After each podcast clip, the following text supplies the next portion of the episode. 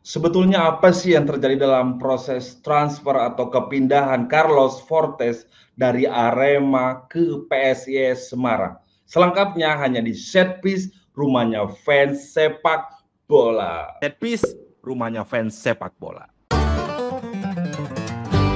Yo, apa kabar set piece? Puasanya lancar terus dong. Harus lancar dong puasa. Benzema aja puasa nyetak gol 3, Bro. Masa kita enggak? Yo. Oke, okay, kepindahan uh, Carlos Fortes dari Arema ke PSIS uh, eh, Semarang menyisakan beberapa pertanyaan ya dan beberapa polemik lah mungkin terkait sebenarnya apakah tindakan uh, dari Carlos Fortes ini sesuai dengan aturan atau tidak, melanggar sebuah etika atau norma atau tidak, atau bagaimana jika dikaitkan dengan aturan FIFA sebagai badan tertinggi dari regulasi yang mengurus uh, hubungan antara pemain dan klub? Benar atau salah? Kita akan bahas satu-satu ya. Uh, dari pihak Arema dari pihak Carlos Fortes uh, juga kita akan lihat berdasarkan aturan yang berlaku. Oke kita bahas satu-satu. Nah nih yang pertama dari pihak Arema dulu. Nah dari pihak Arema dalam gini kita quotes ya saya quote dari pernyataan resmi di resmi klub Arema FC. Dalam kontrak yang telah disepakati, kontrak Carlos Fortes berakhir pada 30 April 2022. Artinya masih ada sisa waktu satu bulan antara Arema FC dan ikatan Carlos Fortes. Bunyi pernyataan di situs uh, resmi klub tersebut. Nah, Lanjut, uh, media officer Arema Pak Sudarmaji uh, menyatakan seperti ini. Tentu tentu sangat disayangkan ya apa yang dilakukan oleh Carlo Fortes.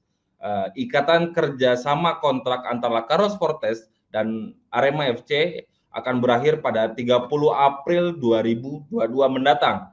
Jika memang ada keinginan pribadi uh, dari Fortes untuk membuka kontraknya dengan Arema FC, harusnya diajukan dengan manajemen klub Arema FC terlebih dahulu. Nah, ini ada penekanan ya, guys ya. Lalu kita lihat dulu di aturan FIFA-nya seperti apa sih.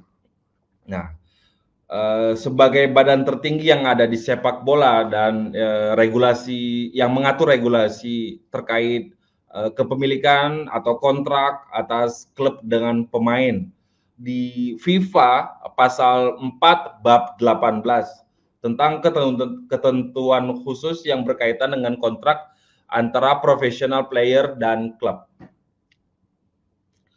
Uh, ini agak bahasa asing nih, gue coba mohon maaf uh, buat bahasa Inggris saya yang pas-pasan. Cuma kita harus coba.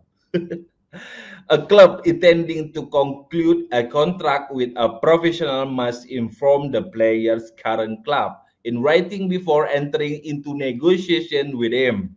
A professional shall only be free to conclude a contract with another club if his contract with his present club has expired or due to within six months. So, due to expire within six months.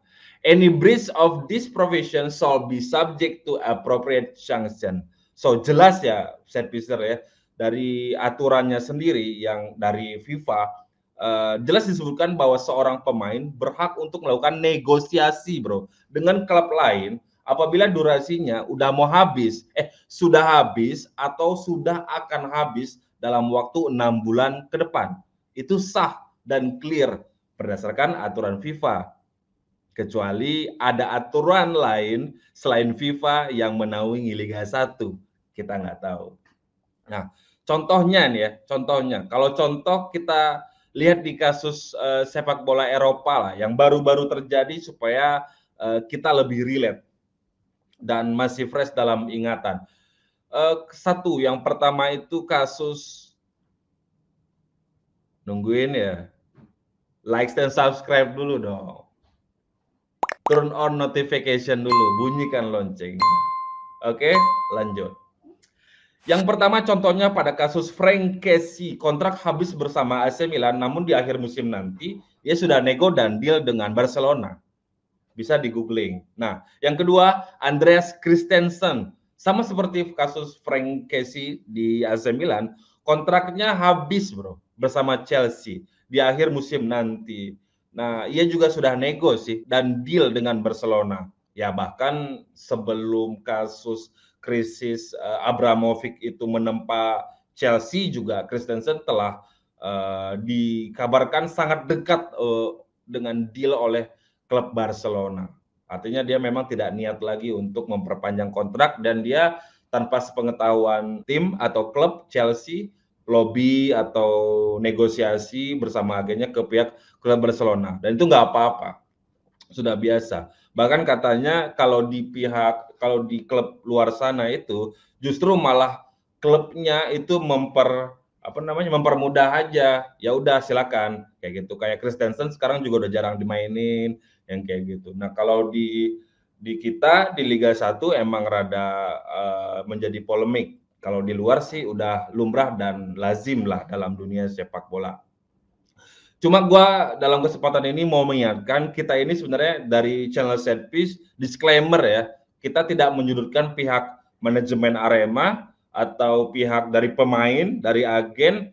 Nah, cuma kita kalau kita hanya mengajak bahwa ini akan menjadi catatan bagi sejarah sepak bola Indonesia dan bagi seluruh klub yang ada di Indonesia bahwa kita benar-benar harus aware antara masa waktu atau jangka waktu dari kontrak dari klub dan pemain. Jangan sampai ada apa namanya ya ini kalau pemain udah nggak mau diperpanjang, udah gajinya tidak udah sesuai dengan budget atau apa pun, ya udah permudah aja, bebaskan aja pemain untuk uh, nego. Tapi pemain juga harus ingat, ya kita kan di Indonesia ya, di Indonesia ini beda lah sama di Eropa. Ya terutama bagi pemain-pemain uh, luar negeri ya yang main di Indonesia mungkin ya harus lebih mengenal Indonesia lah. Di sana ada budaya sounding dulu, ngobrol dulu sama manajemen, bilang-bilang dulu. Siapa tahu manajemen lupa.